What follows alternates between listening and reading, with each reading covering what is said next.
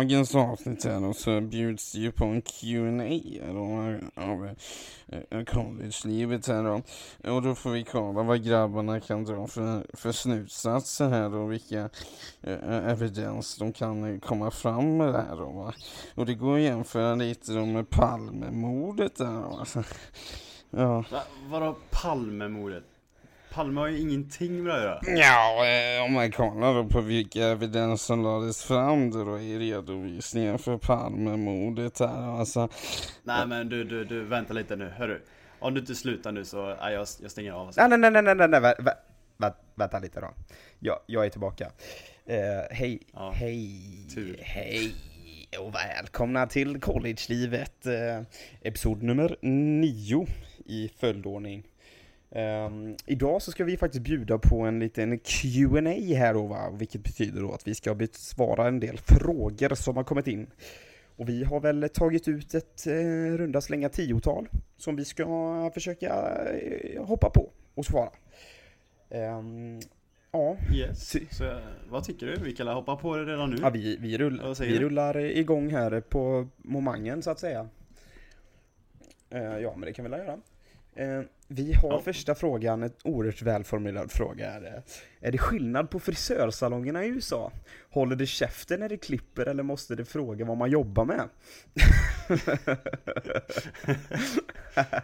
Ja men det känns bra det här alltså. Det, det är viktiga frågor som ställs. Vi börjar starkt va?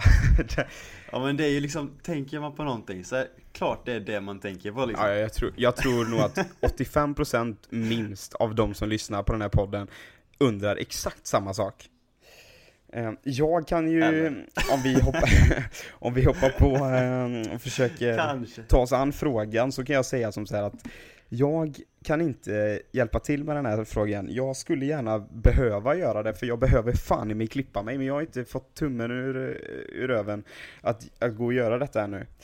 Eh, Så snart vet vi hur det fungerar i New York också. Men, ja. Har du, Och jag har ju, jag har ju ganska långt hår va, så jag, det är inte så att jag klipper mig så ofta. Kan jag ju inte påstå. Cesar ser ju ut ju som en eh, egentligen. uteliggare i håret om ni aldrig har sett honom. Han har Ja, inte ja, klippt ja, sig ja, sedan ja, han var 14.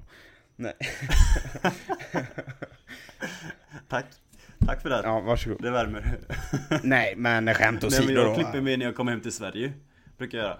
Men eh, nu har inte jag varit hemma i Sverige på... Eller jag var... Jag, nu har jag inte varit hemma sedan i julas typ. Nej. Så jag klippte mig faktiskt i Houston en gång. På en eh, frisörsalong. Mm. Och... Eh, det snackades. Det snackades mycket. De frågar vad du jobbar med. Det var inte tyst länge. Innan det kom en ny fråga.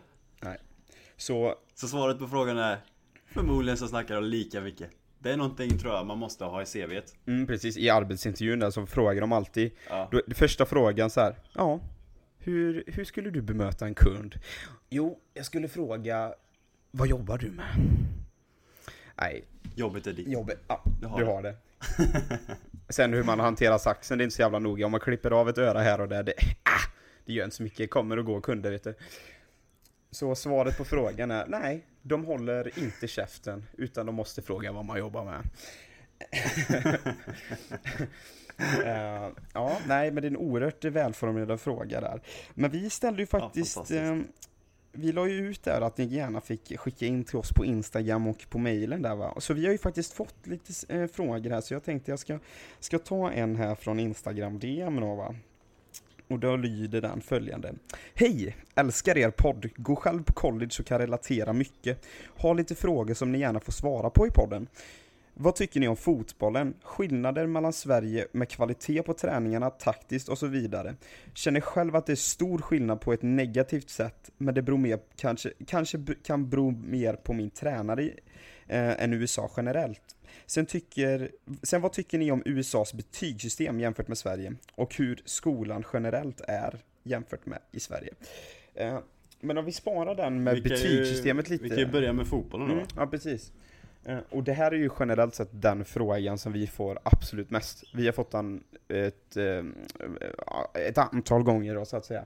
Eh, och det verkar vara det som ni, de flesta undrar, är just vad skillnaden är mellan fotbollen i Sverige kontra USA. Liksom med allting från kvalitet och sen hur man spelar och allting hur det funkar rent praktiskt där. Men vad, vad, vad har du fått för uppfattning liksom? Alltså vad tycker du är skillnaden framförallt? allt? Det är ju det är jättestor skillnad tycker jag. Men det är också ofta ganska svårt att säga exakt vad som är skillnaden. Även fast man känner en stor skillnad. Mm. Men lite är det ju att eh, här är det också att det är många internationella spelare så det blir mycket influens, influens från andra ställen också. Men den eh, amerikanska stilen i sig, där skulle jag ändå vilja säga är väldigt så här eh, fysiskt. Eh, mindre så här man tänker och jag är eh, mycket så här eh, teknik och sånt. Det är mer så här europeiskt och sy sydamerikanskt skulle jag vilja säga. Eh, USA är väldigt typ rakt fram, väldigt fysiskt. Det är ganska snabbt tempo men det är väldigt Ja det är väldigt mycket framåt hela tiden. Eh, skulle jag vilja säga. Men sen är det skillnad också vad man jämför med liksom. För jag kommer ju från en division 3 slash division 4 klubb. Eh, så det jag, den träningen jag har varit med om och sånt Det är ju kanske tre gånger i veckan vi har tränat. Och i USA på college Då tränar man ju som proffs i stort sett. Så professionaliteten är ju jättestor här. Och eh, liksom man tränar ju hela tiden så man utvecklas ju enormt mycket. Så det är ju också skillnad. Mm. Så, och sen träningsmässigt blir det ju skillnad på träningen också. För hemma blir det mer att man Eh, på den nivån jag har spelat då så är det ju mer så här spel Och man har högt tempo på träningen. Medan här har man mer tid och då kan man lägga tid på taktiskt och sånt. Så mycket är ju taktik på träningen och tränarna ställer upp träningsmetoderna olika beroende på hur långt man har till match eh, och så mycket taktik. Är det långt kvar till match så kanske man har lite mer upptempo. Men annars är det ju mycket, mycket så här, man går igenom olika delar för att kunna sätta till det på match. Eh, eller olika spelsystem beroende på vilken motståndare man har och så vidare. Eh, ja, ibland på träningen till, till exempel om vi möter ett lag som vi inte mött förut och kanske de spelar ett nytt spelsystem. Då kan vi spela typ start, den tänkta startelvan mot eh, reserverna typ. Och då är reserverna ska spela exakt som det andra laget. Eh, så om de spelar typ 4-4-2, då ställer de upp 4-4-2 och så kanske de har vänsterfotad yttermitt. Då sätter de vänsterfotade yttermitten på den positionen och så vidare. Så man verkligen matchar exakt hur det kommer se ut. Mm. Men eh, tycker du, håller du med mig där eller? Är, det- har det varit annorlunda för dig? Ja men jag tycker det sammanfattar um, alltså hur, hur det funkar där i USA på ett väldigt bra sätt. Eh, sen, vi kommer ju från lite olika bakgrunder så när det gäller fotbollsmässigt. Eh, nu har jag ju också naturligtvis spelat i Ulricehamns IFK.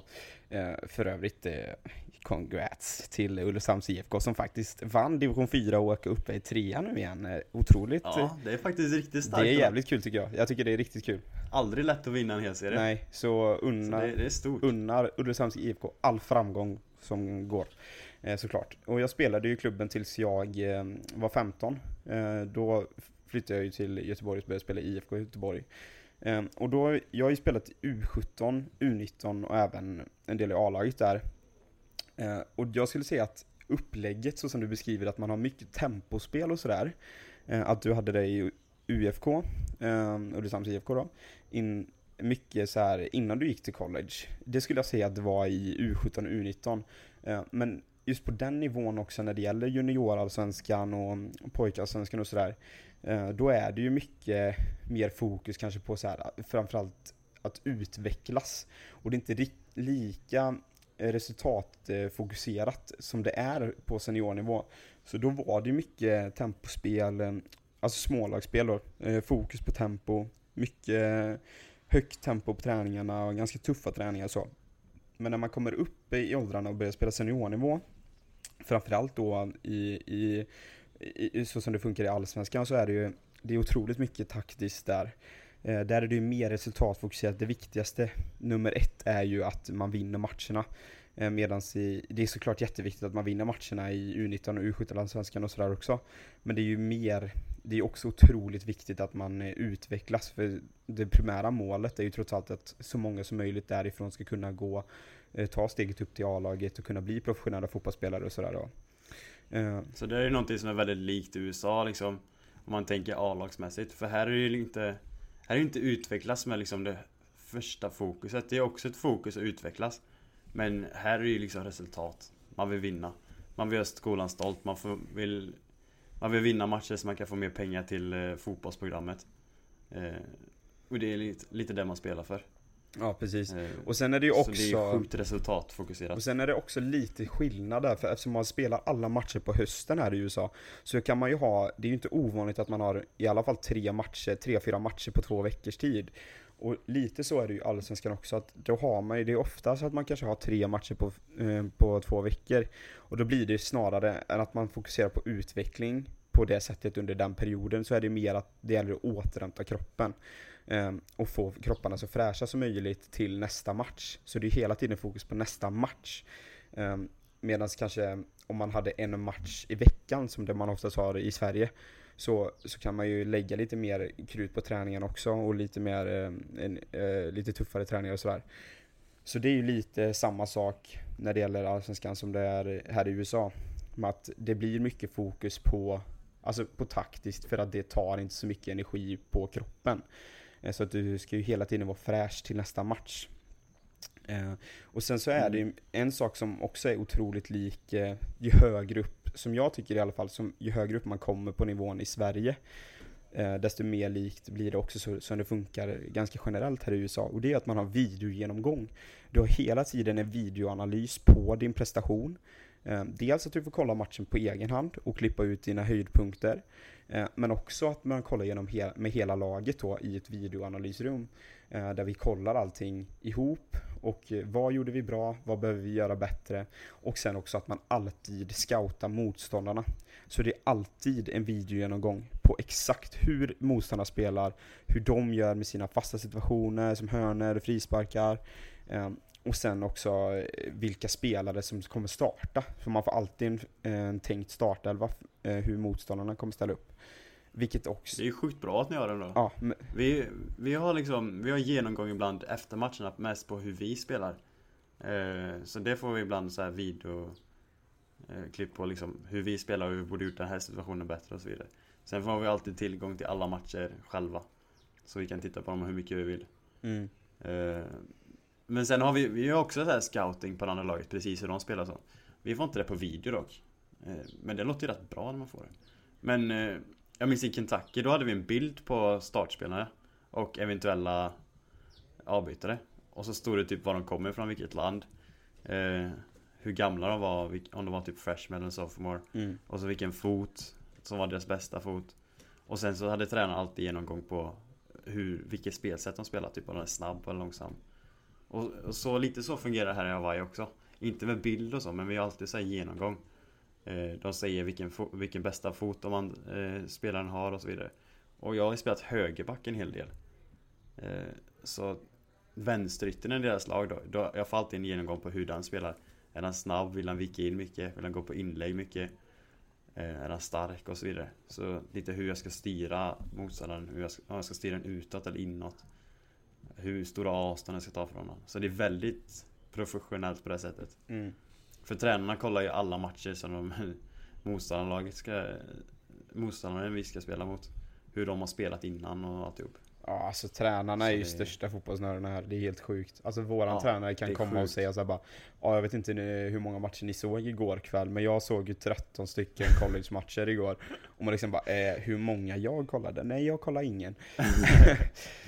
Nej men liksom, nej, de är sjuka fotbollstränare. Men jag tror man, om man ska bli college-tränare då måste man vara en supernörd alltså. Mm. Jag tror det. Ja men det känns så. Det känns som alla tränare där. Men eh, ja, sen, de alltså det här med videoanalys och sånt, det är väldigt likt återigen, desto högre upp man kommer i nivåerna i Sverige skulle jag säga. För i U19 så var det mycket så att vi kollade på, på motståndarna, vad de gjorde, vi kollade oftast hur de ställde upp och liknande. Eh, precis som det är här. Eh, I alla fall ja men i alla fall typ varannan match, de matcherna som fanns tillgängliga att kolla på. Eh, sen i Allsvenskan så är det ju liksom, då är det ju varje dag inför varje träning i princip som man kollar eh, klipp, antingen från sig själva eller på motståndare eller båda. Eh, och sen så jag spelade ju division 1 i ett halvår nu i denna våren.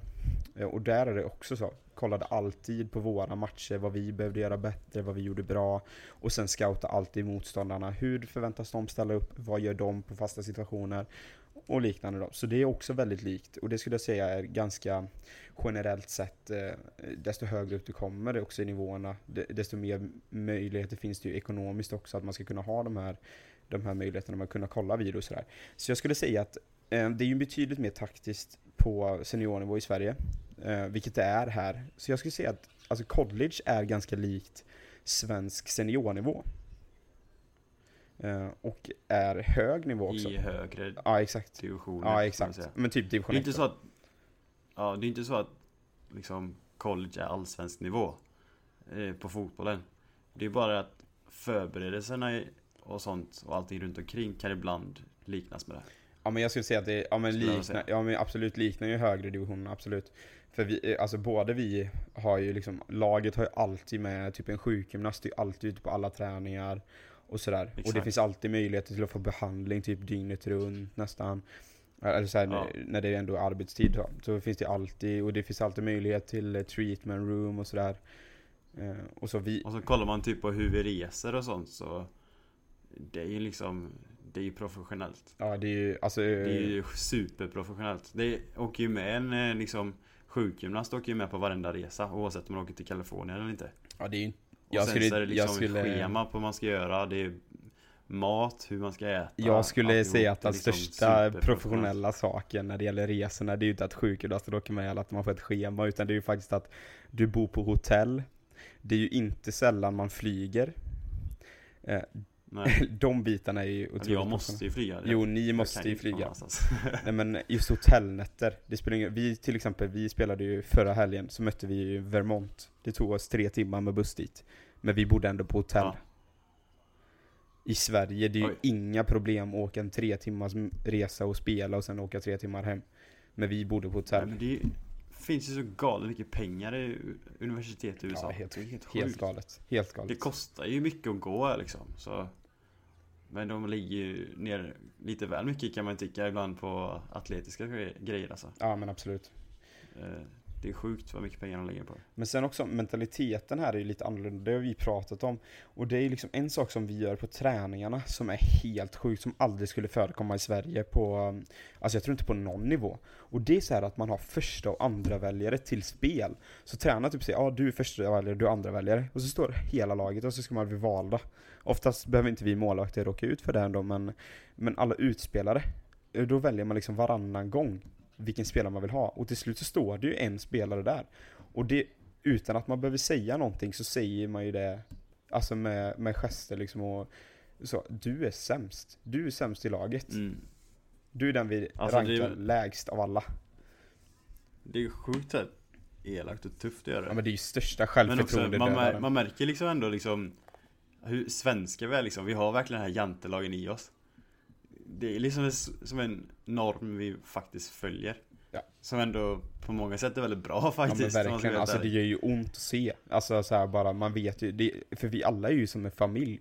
Alltså vi alla kommer ju hur ja. nära varandra som helst. Vi liksom umgås hela tiden och allt sånt där. Och liksom omklädningsrummet, vi träffas ju hela tiden och vi snackar, vi har kul ihop. Och man vet liksom att man vill ju inte lämna någon i sticket liksom. Man vill ju inte alltså, lämna någon sist. Och man ser ju ont han får liksom i själen liksom. För den vet ju att okej, okay, de rankar mig sämst ja. av alla. Det... Så tränaren liksom, tränaren sätter ju den som väljer i skiten. För den som väljer vill ju inte vara elak mot någon. Det är ju jättetufft att vara i den positionen. Verkligen. Man, men samtidigt vill man ju inte förlora träning, eller match heller. Så man hamnar längre ner i liksom eh, hierarkin på vem som ska spela. Så det är ju en balans där den som väljer får välja liksom. Om man, om man liksom, någon måste man ju såra. Det blir ju det. Ja exakt. Och du berättade ju det. Det är jätteelakt av coachen. Du berättade ju att ja, i men... Kentucky så hade ni alltså en, till och med en deluxe-variant av detta. Ja, det är liksom det, det är illa nog ändå att man ska behöva liksom peka ut någon på det sättet som du förklarar precis. Ja. Men ja, våran coach han var ju sjukt så här. Han hade, han hade inga känslor överhuvudtaget. Han kunde ju köra över någon totalt utan att bry sig. Alltså det minsta lilla. Eh, så han hade ju en annan version på det att man Man valde ju spelare först. Då fick man första väljare och andra väljare. Och så valde de spelare. Eh, så var det ju någon som var sist kvar såklart, alltid. Och några som var bland de sista kvar. Mm. Eh, och sen efter det så kanske vi körde typ fyra, fem matcher. Och efter varje match Då fick kaptenen, eller någon i laget Som blev utpekad av coachen Då fick den välja om man ville byta ut en spelare. Det helt... Mot en annan i det alltså, det laget. är helt sjukt. Ja, så då fick man välja typ, ja men Han här var ju kass, så då, då byter jag ut den här till det andra laget Och så tar jag in deras spelare, bästa spelare till mitt lag. Alltså det... Men fan, man kan inte, det är ju aselakt att bara ta bort, bort en spelare. Liksom bara, ja, Vi vill inte ha det längre Kan du snälla byta lag? Men det, alltså det är ju så jävla taskigt, det är helt sjukt. Alltså tänk dig att det skulle förekomma i Sverige. Skulle aldrig Det hända. Du vet, man blir anmäld alltså Men alltså för oss är det ju så här, det är ju en självklarhet att du gör inte så. Men om man kollar de Nej. amerikanska spelarna typ, eller så här, typ i princip alla andra, förutom oss. De, de rycker ju inte ens på ögonbrynen, för de är ju normalt. Ja, alltså det, det kan nog vara så att många så här typ internationella kan tycka att liksom vad fan Man gör ju inte så här. Men Sverige har ändå varit en jantlag, det är liksom, vi är uppväxta med det. Ja, exakt. eh, Liksom amerikaner skryter ju gärna om sig själva liksom. Men eh, Alltså jag är ju, jag kan vara kaxig ibland men när jag är kaxig så har jag liksom Bara jag vet, jag är typ, jag typ ska spela FIFA och jag vet att jag kommer förlora, då är jag askaxig att jag kommer vinna. Ja. Man är ju, Men alltså det, är man har jag ju 100% glimten i säker på att jag kommer vinna, då är inte jag kaxig. Nej. För det är ju liksom Det gör man inte hemma men liksom alltså även om vi skulle tycka att så här, nu var jag fan kaxig. Då är man ju på under medelnivå här liksom. Ja, men det är verkligen så Det är sjukt Ja, verkligen. Eh, Nej men, eh, alltså så om man ska bryta ner detta då eh, till några få punkter så är det väl, alltså det liknar ganska mycket hög nivå på seniornivå i Sverige, eh, college, med allt med upplägg och så här träningsupplägg, taktiskt. För det, man satsar mycket på resultat, så man försöker minimera riskerna så mycket som möjligt. Eh, det är ju inte direkt så att du spelar en kortpassning om det är 50% chans att du tappar bollen, utan då bara skickar du iväg den. Eh, med ett, eh, vi har ju ett otroligt bra ord för detta i Västergötland som heter rensa. Som är ett väldigt eh, sammanfattande ord Vackert ord när man eh, helt enkelt har bollen, tittar bara på bollen, du skiter i allting på planen och skjuter den så långt du kan. Där kan jag flika in lite där med att det är liksom eh, Många internationella spelare och svenska spelare eh, Innan, i alla fall Jag upplever att vi gör att Oftast i alla fall att innan vi skickar iväg bollen Så tittar vi upp och ser att, ja men Vi har en anfallare där på högersidan I det området. Ja men då siktar jag mot där Och försöker pricka han även fast jag liksom fokuserar på att skjuta han långt. Ja, exakt. Men många amerikaner, då är det liksom bara Nej men den ska upp långt. Så då skjuter vi den långt och sen springer vi, typ Men de har liksom ingen plan riktigt. Så de tänker inte lika långt. Eller lika tidigt om man ska säga Nej. Som Vårat spelsätt är hemma. Ja, det, det, det, Vi tänker mer, det är mer så taktik, mer tänkande hemma. Och mindre fysiskt. Ja, men det är lite långa, Lite mer fysiskt där. långa bollar på Bengt. Ja, Ja men eh, så det, det är mycket taktiskt, det är videogenomgångar eh, på, de, på de absolut flesta nivåerna på college. Det är taktiskt, eh, mycket resultatfokuserat, minimera misstagen. Ehm, så det är väl egentligen det som man kan bryta ner det till. Alltså sen är det ju väldigt, som sagt väldigt proffsigt också. Det är med allt med bortamatcher så här och vi har ju liksom ett eget omklädningsrum där man har, varje spelare har sitt bås, vi har namnskyltar, vi får allting tvättat, alltså you name it. Vi har liksom allting vårt eget omklädningsrum sådär. Eh, så det, så hade jag ju också i Kentucky Men här har vi ju faktiskt inte För våran arena är klar nästa år Inför nästa säsong. Mm, Så just nu då har vi inte vi någon eh, Vi har inget så här eget omklädningsrum och sådana grejer. Aha, Så just nu är inte det lika professionellt. Det var professionellt innan i Kentucky. Ja, Så det är lite, det är lite skillnad för mig. Ja det är ju klart. Eh, Men får ni fortfarande, är det tvättat eller måste ni tvätta själva?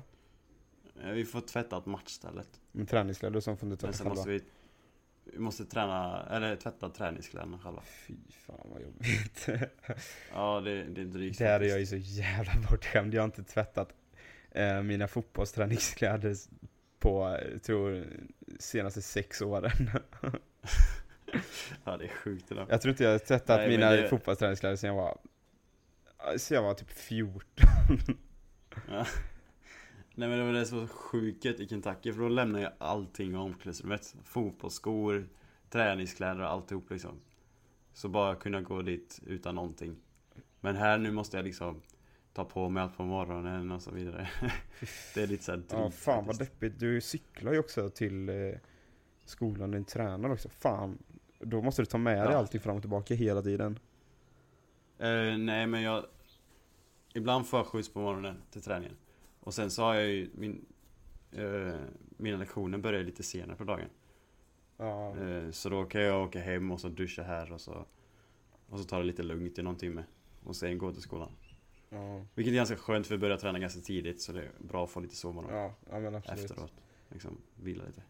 Men vi hoppas väl att det här var ett, eh, ett bra svar på, på frågan som ändå är väldigt återkommande. Eh, Men såklart, alltså, har ni fler frågor så här, mer specifikt inom något så är det ju bara att skicka och fråga så ska vi försöka svara på det med. Men när vi ändå är inne på fotbollen så har vi fått en annan otroligt bra fråga och det är ju hur många tunnlar har Cesar fått som mest på en träning? Ja, jag, såg faktiskt den frågan ja, Kul du Vassi, kul Ja, ja Vasilij, jag tycker det var en väldigt väl bra, bra fråga. Nej Nej, inte alls kul Nej, men försök inte smita Nej, här nu, nej, vi väntar nej. på ett svar. Ja, ja, ja, det, men det har blivit någon tunnel. Kolla här, vi går upp väldigt tidigt. Så ibland är ju träningen klockan sex på morgonen. Eller oftast sex, ibland till och med halv sex. Ja, Eh, Så när man är så tidigt uppe Och är lite så halvouppvärmd så är inte benen de snabbaste alltså Så försöker någon sig på en tunnel så är det ju Finns det ganska stor risk att man åker på den faktiskt ja då krokar eh, dina ben fast i varandra så Ja, jo Men Så eh, det har alla blivit några tunnlar vi tar- om vi får ett- tre stycken om vi får ett antal, tre stycken, jag, jag, jag tror det, jag tror tre tvåsiffrigt eller tresiffrigt skulle jag vilja eh, tro. Vad tror du om mig? Vad tror du? Ja men, ja men 104 är väl inte har, orimligt? Jag har blivit en försvarare nu Isak, jag kan försvara Ja, du kan också bli tunnlad. Men tre stycken, det är ju Ja. ingenting. för sig. Jag tror nio.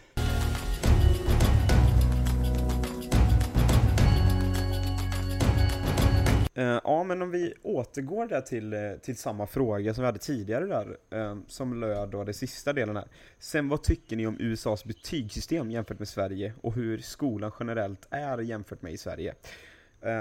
Ja, Först så- och främst vill vi bara säga att vi kan ju inte jämföra med högskolan i Sverige för det har ingen av oss gått. Eh, utan vi kan bara typ dra liksom, slutsatser till vad vi har hört om högskolan, våra kompisar som går där.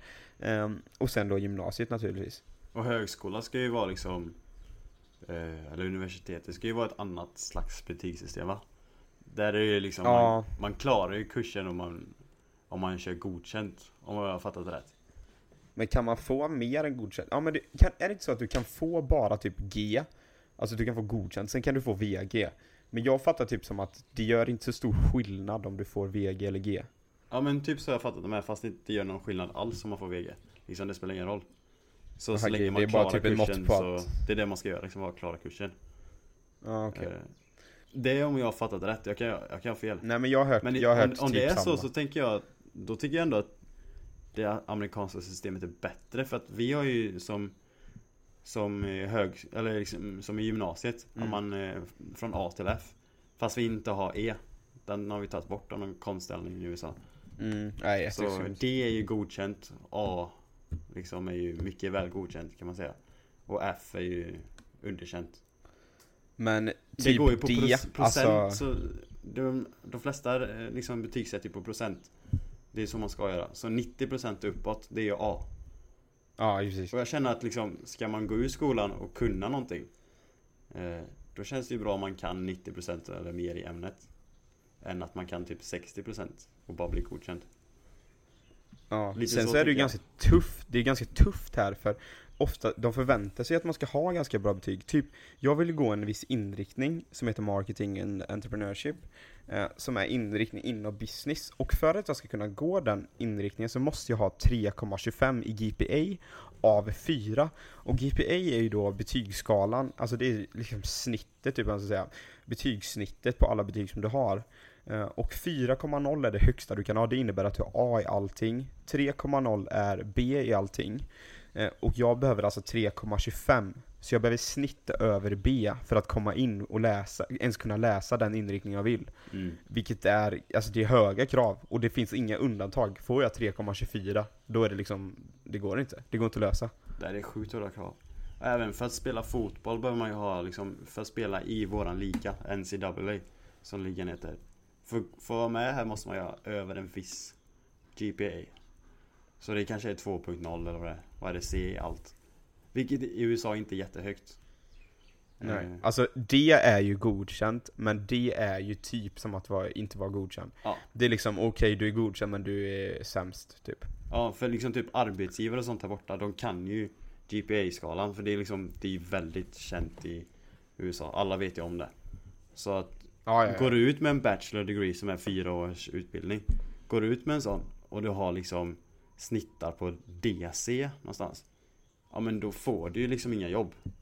För att Nej, det är ju fortfarande en Liksom certifikat på att du klarat skolan men du, du har ju fått så dåliga betyg så att det, Du har visat att du inte är smart nog typ Ja men det är Så- typ som att om du, är, om du är ett taxibolag i Sverige liksom och ska rekrytera och så kommer det en som visar att ah, jag har ett körkort här, jag är, jag är benägen till att köra bil lagligt men jag fick köra upp 28 gånger innan jag fick mitt körkort. Ja men typ Mm, Man- inte jättetroligt att du är bra på att köra då liksom. Nej, man eh, har ju gjort processen men man har ju inte gjort den bra nog typ Ja exakt. Det är lite så den visar Eh. Men eh, så betygsskalan är, alltså det är annorlunda. Eh, men också jag har så här vissa lärare som kurvar betygen. Och när de kurvar betygen innebär att 25% av klassen måste få ett A, 25% av klassen måste få ett B, 25C, 25D. Och det är ju jätteskumt egentligen och finns stora för och nackdelar med det. Och det innebär ju alltså i, i praktiken att, säg att det är en klass som är, alla är skitbra.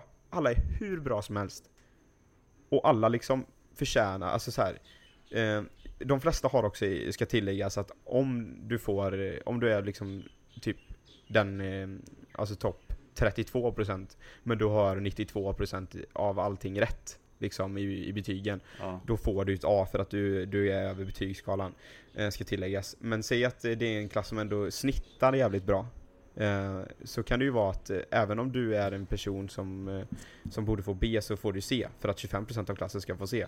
Mm, det är säkert tänkt att det ska bli rättvist men det blir ju inte rättvist om jag gör på det sättet. Nej exakt, men det blir ju ännu tydligare om man vänder på steken att det är en katastrofklass. Alla är sämst. Och alla liksom är så här, om ett typ egentligen att alla ska C. Men då måste 25% av klassen få A. Ja. Det är ju asskevt. Men jag, jag har aldrig haft så. Eh, Jag har aldrig haft någon lärare i varken den här skolan jag går på nu eller den här förra skolan som har curvat. Eh, Men har du så- hört om det tidigare? Nej, jag har inte hört någon som gör det heller. Men det kanske är någonting med att det är så pass stor skola då eller något. Kan vara. Men det är också, alltså det, det håller inte. Tankesättet håller inte. Nej, verkligen inte. Men hur, vad har ni för typ av prov då? För om, proven jag får här borta Då mäter man provet, liksom, även om provet har typ 20 frågor Så delar man det så man får procentsatsen på det Och Ja, får är man här 90% över får man eh, A och 80% över får man B och så vidare eh, Mm. Ja men typ så är det här också. Alltså allting kommer i procent. Så kan Och du få A är- om du får 70% ja, det, det, håller liksom Ja, inte det här alltså, curving Då är det ju liksom slut. Ja men slut. Det är inte per betyg utan det är slutbetyget typ. Ja, så att liksom, eh, har du 70% betyget, ehm, alltså totalt sett, men du är fortfarande liksom topp 25% i klassen, då får du ett A. det är helt sjukt Ja, det är jättekonstigt där. Men det är också, det blir ju så väldigt speciellt för eh, här i Sverige typ, säg att du fick E på ett prov, eh, så kunde du ju fortfarande jobba upp dig så att du kunde få ett A, för du kunde bevisa dina kunskaper på annat sätt. Och kunde göra jättebra på andra prov och sådär. Så du kunde fortfarande få ett A, du stängde ju inte dörren. Men Ja. här är det ju helt annorlunda. Här är det liksom, alltså betyget delas upp i 100% och innan du börjar varje kurs så får du något som heter en syllabus. Och det innebär då att du får ett papper där det står allting, vad kursen kommer innefatta och hur mycket eh, procent, procentuellt då, hur mycket varje del av betyget utgörs av. Så typ, nu har vi någonting eh, som heter midterm, alltså det är liksom ett prov på vad du har lärt dig hittills i mitten av kursen. Och då är det till exempel 26% av betyget. Och säg att jag får ett C då, men jag siktar på ett A, men jag får ett C på midterm. Då har jag ju nästan stängt mina dörrar för att få ett A. För då är det liksom 26% av betyget är redan satt. Och Mm. det är ett C. Det går inte att ändra. Det går inte. Speciellt inte för min del som har typ klasser med 500 personer. Hur ska liksom läraren kunna så här, kompensera upp för 500 personer? Det skulle aldrig funka. Så den är liksom, det är kört. Men det kan också vara jättepositivt, säg att du får ett A på ett prov som du eh, i en kurs som du kanske inte är så bra i, som du kanske siktade på typ ett, bara bli godkänd. Ett A, då är ju fortfarande, då har du dragit upp ditt betyg skitmycket. Så om du fuckar allting annat så kan du aldrig landa på ett C. Mm. Nej, men, det är ju- också jättespeciellt. Det är speciellt. Men jag har ju gått på två mindre skolor bara. Eh, Så för mig har det varit lite annorlunda. Det kan vara typ att man har att läraren lägger in ett extra prov så man kan visa liksom vad man kan. Så om man gör lite sämre dåligt eller på en så kan man ändå liksom kompensera upp det med ett extra prov. Eh, Och Ja, sen okej. kan det vara massa extra credit som det heter. Och då kan det vara typ att man får skriva en extra uppsats och så på andra sätt kunna visa vad man kan runt omkring. Men vi har ju mer en dialog med liksom lärarna. Jag kan ju prata med en lärare efter varje klass om jag vill det. Och Mm. komma in till hans kontor. Eh, Men mina klasser brukar ju vara typ 30 personer. Inte 500. Så Ja, det okej. handlar lite om storlek. Jag. Men jag har också, jag har en klass där det är typ 45 personer. Ja. Vilket hade varit väldigt stor klass för mig då. Ja, det är skitliten, det är typ det minsta som går att ha här. Ja. Men, eh, men så det, det är väldigt speciellt, alltså det blir, eh, men det är det kan- väldigt kontraster. Det kan vi säga också, jag vet inte om folk vet det men I USA så har man ju en klass för varje ämne. Och jag till exempel då, jag ett sex ämnen den här terminen. Ja, Så- ja men jag, jag läser... Så jag har ju sex eh, olika klass Klasser liksom med olika klasskamrater. Ja. Så det är inte så att man Men går är- tillsammans med en klass som är gymnasiet till exempel Hur är det på högskolan i Sverige då? Jag vet Har inte, du- jag funderar på det nu med Läser... Alltså om det är någon som lyssnar som går på högskolan så får ni gärna alltså, skicka till oss. Hur funkar betygssystemet? Hur funkar upplägget med klasser? Alltså är det så här att alla som läser typ, om vi säger eh, ekonomi eh, någonting. Alla som läser exakt samma inriktning går på exakt samma lektioner vid samma tidpunkter. Är det så det funkar så får ni gärna sk- skicka det till oss. för vi vet i fan. Alltså för, för våran del så är det ju liksom man väljer, man väljer ämnen som man ska läsa. Sen finns det vissa riktningar till vad du måste läsa för att komma upp till din bachelor, eller din major då, som du har. I mitt fall så har jag business. Måste jag läsa vissa kurser som är businessinriktade såklart. Ja, Eh, och då är det liksom, då har du, alltså det blir mer som att man gör allting på tu man hand va. Man gör inte saker i, som i grupp, utan du går ensam, du är en ensamvarg Man går på sina lektioner, eh, och sen så eh, helt enkelt så går man på lektionerna, man är där, tar anteckningar, lär sig, sen går man därifrån. ja Nej men det är liksom det, ändå för det är så det funkar. Men man liksom, i Sverige blir man ju antagen till en utbildning på högskola Eller universitet Ja. Ja, men i USA blir man ju antagen till en skola Ja, men exakt. Det, beror inte på, det spelar ingen roll vad utbildningen är men du blir ju antagen bara till en hel skola Och sen när du Mm. har blivit antagen till skolan då Det spelar ingen roll om du har någon aning om vad du vill göra eller inte Du kan Du måste ändå läsa vissa grundkurser Och sen efter det så kan du välja Så du kan ju gå hela typ freshman year, hela första året Utan att veta vad du egentligen vill plugga till ja, du kan bara läsa alltså bland, mixade kurser typ. Ja, för du måste ändå läsa vissa kurser även om du vet vad du vill göra Mm. Så, Ja, men bara för att förtydliga det du sa där, alltså i Sverige så är det ju liksom eh, Jag vill bli eh, eh, typ jurist, då söker du in till juristlinjen Juristutbildningen. Och kommer du inte in där så kanske du får söka på någon annan skola Juristutbildningen. Mm. Men du kanske hade tillräckligt bra betyg för att komma in på eh, Ja men Ekonomi eh, Någonting civilingenjör kanske du kunde bli, men du kommer inte in på juristlinjen. Men här så är det ju liksom, är du tillräckligt bra för att komma in på varje skola? Sen Ja. kan det vara, alltså utbildningen, den, den ansöker du om. Och så kommer du in liksom, och sen så måste du få ett visst GPA för att kunna läsa vissa inriktningar i det, typ i mitt fall. Men du söker ju bara för att komma in till skolan, det är ju inte så att du söker in till att gå business, utan du söker in för att gå på U Albany i mitt fall. Ja. Men så är det ju. Sen får vi bara hitta en skola som ut, liksom har det i utbudet, den utbildningen. Ja men exakt. Så vissa Alltså, skolor är kända eh, för att ha vissa bra program. Och ge en riktigt bra utbildning i, i liksom vissa delar. Så det är de man får Ja. sikta på i så fall liksom. Ja men exakt. Ja, men så det, är- alltså det, det är mycket för och nackdelar med, eh, tycker jag, med utbildningen och betygssystemet här i USA. Alltså skolan är ju lite annorlunda också för både dig och mig, alltså så här om man jämför våra. Bara för jag går ju på så mycket större skola. Liksom, i min, Mm. På min skola så är, alltså det finns lektioner allt från typ 06.30 på morgonen till 22.30 på kvällen. Eh, Medan du har ju mer typ att din skola är ju typ mer normalt. Det känns som att det är typ från 8 till 4 du kan gå till skolan liksom. Mm, oftast. Det finns några som sticker ut. Det finns några kurser är typ klockan åtta på kvällen också och sex, sju. Men inte Mm. så många. Men och sen har vi en till fråga här som, eh, som angränsar till alltså själva college. Så, och det är, ehm, hur ser era måltider ut här? Eh, det vill säga, äter ni dining halls eller gör ni egen? Om ni äter i dining halls, vad tycker ni om maten där? Ja, och vi- Först och främst så säger vi väl att båda äter hemma och lagar egen mat. Vi går i, äter inte dining hall. Vi bor ju off campus, vi bor ju utanför campus. Så Mm. vi bor ju inte på skolan. Vi har ju våra egna lägenheter. Eller jag har egen lägenhet och du har, bor i ett hus. Ja. Eh, det kan tyckas väldigt konstigt med tanke att jag inte äter dining hall med tanke på att jag är ju freshman, jag är ju första student.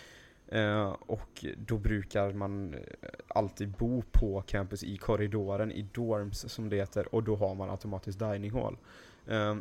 Och hur det kom sig att jag bor off campus, det är för att jag har bott i, jag har bott i egen lägenhet i över fyra års tid innan jag flyttade ner hit till USA. Eh, så jag ansökte om detta med coachen. Egentligen så är inte detta tillåtet på min skola för de har regler att du måste, det finns två olika eh, undantag och det är antingen om du är en transfer student, alltså att du har bytt från ett annat eh, universitet i USA till, till, till detta då. Och då, alltså att du är en sophomore som det heter, en andraårsstudent, då får du bo off campus direkt. Eller att du har fyllt 21 år. Eh, när du kommer hit, då kan du också få bo off campus. Men i mitt fall då, jag var 19, jag är precis fyllt 20 eh, för en månad sedan lite drygt. Eh, så jag är inte över 21 och jag är freshman, jag är förstaårsstudent. Så hur det coachen löste att jag fick bo off campus direkt, det vet i fan. Men jag är jävligt tacksam för det, för eh, han måste Ja, gilla att det... det- du pratat i telefon med han innan. Någonting. en riktig charmör vet du. Ja, det måste vara det. Brilli- briljerade på engelskan och smörade rejält för tränaren innan jag ens har träffat honom. Det är det som är Det taktiken alltså. Ja. Nej men, eh, vi har ju faktiskt ätit i dining hall. Det är ju liksom så här på pre-season, eh, på försäsongen då, eh, de här två veckorna som den ynka försäsongen är, eh, så åt vi båda i dining hall. Och Mm. du har ju käkat där innan, men det var ju första gången jag käkade i dining hall. Och alltså min upplevelse är ju att det är helt sjukt. Alltså jag älskar dining hall. Det liksom, finns typ fem olika så här, bord där du kan ta mat. Och det liksom är, finns allting från hamburgare och pizza och chicken nuggets ehm, till alltså sandwich, alltså wraps och grejer. Och sen så finns det bra mat som lite mer ris och kyckling typ. Och sen finns det vegetariskt. Sen finns det ett helt grönsaks, en hel grönsaksbuffé. finns kakbuffé, dessertbuffé, läskmaskiner, kaffe, fruktbord. Alltså det finns allt. Det finns ju Ja, hur mycket onyttiga saker som helst. det med. Men, och Ja, sen så men det- tilläggas ska att det är en buffé. Alltså du får ta hur mycket du vill. Ja. Och jag äter mycket som fan, så jag älskar dining hall. Ja, men det, det Vad- finns ju alltid så här bra saker att äta också. Det finns ju nyttiga grejer att äta.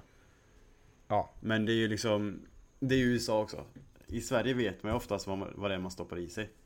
Ja, och så kan man ju läsa om det, vad det är för, bruk, för vad produkterna har i sig och så vidare. Men eh, Mm. alltså, här.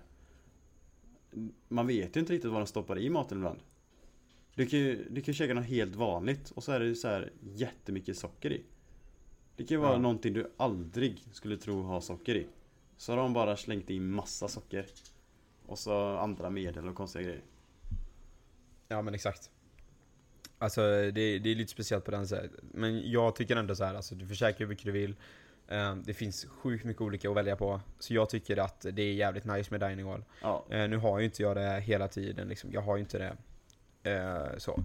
Men det finns en nackdel med dining hall också. Det är att det är så in i helvetes dyrt. ja det är helt sjukt. Alltså- Alltså, det, det finns ingen anledning varför det är så dyrt. Det är liksom, Ja, det, är, det är en jävla business för skolan Ja. kan jag säga. det är sjukt. Alltså, och särskilt jag- jag... de tvingar första studenterna oftast att ha det. Ja exakt. Jag var ju egentligen, eh, vet du, supposed, eh, jag var egentligen tänkt att, Ja, precis. vad fan tänkt. heter det? Du var tänkt att Alltså, du man göra det. Ja, jag var egentligen, eh, fan jag tappade Tvingad. ordet. Tvingad, inte tvingad. Ja, fast Ja, du var ju tvingad. Skitsamma. Jo men jag var tvingad, jag skulle egentligen ha gått, eh, bott på campus då, Ja. som tanken var eftersom jag var freshman. Eh, så jag kan ju, man kan se så på sin, eh, på sitt kontoöversikt, liksom så här ekonomigrejs konto på, på, för skolan, med alla kostnader och, och sådär. Eh, så kan man se, jag kan se allting som var för att bo i korridor, så bo på skolan. Så kan jag se alla kostnader, men de har ju tagits bort då också. De har ju så här, det blir liksom plus minus noll eftersom jag inte, det slutar med att jag inte bodde på, på campus. Eh, så jag kan ju se vad dining hall kostade. Mm. Alltså, hör och häpna. Detta är för en termin, alltså en semester. Vilket är en fyra månaders period. Så kostar det 2613 dollar. Vilket är 25 000 svenska kronor. För fyra månaders måltid. Alltså det är helt sjukt. det är Det är så pengar. jävla dyrt. Och det, är, det här är liksom för fyra månader. Du går i två semestrar på skolan. Det är alltså 50 000 i matkostnad åtta för månader. en, ja, för en person. Ja. Alltså tänk dig själva, alltså tänk dig om du skulle vara en, liksom en familj med fyra personer i Sverige och du skulle ha matkostnader med för 50 000 per skalle liksom. Det finns ju inte en jävla familj, jag tror inte det finns en en enda familj i Sverige som har matkostnader för 200 000 per år. Eller per åtta månader. Det finns ju fan inte. Det här var det helt sjukt. Ja men det är så vet, man orimligt får jävla dricka dyrt alltså. champagne till måltiderna och ha sådana grejer. Rysk kaviar på mackan varenda gång. Alltså det är helt sjukt. Det är helt jävla orimliga kostnader alltså. Ja det är sjukt. Ja.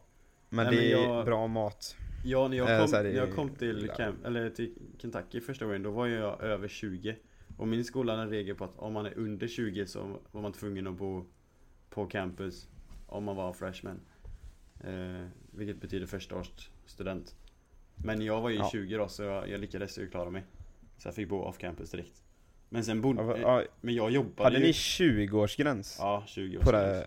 Ja, här är du Freshman. 21. Ja, okej. Eh, men jag, jag, jag jobbar i kafeterian eh, i Kentucky. Eh, dining hall Mm. med andra ord. Där man äter mat.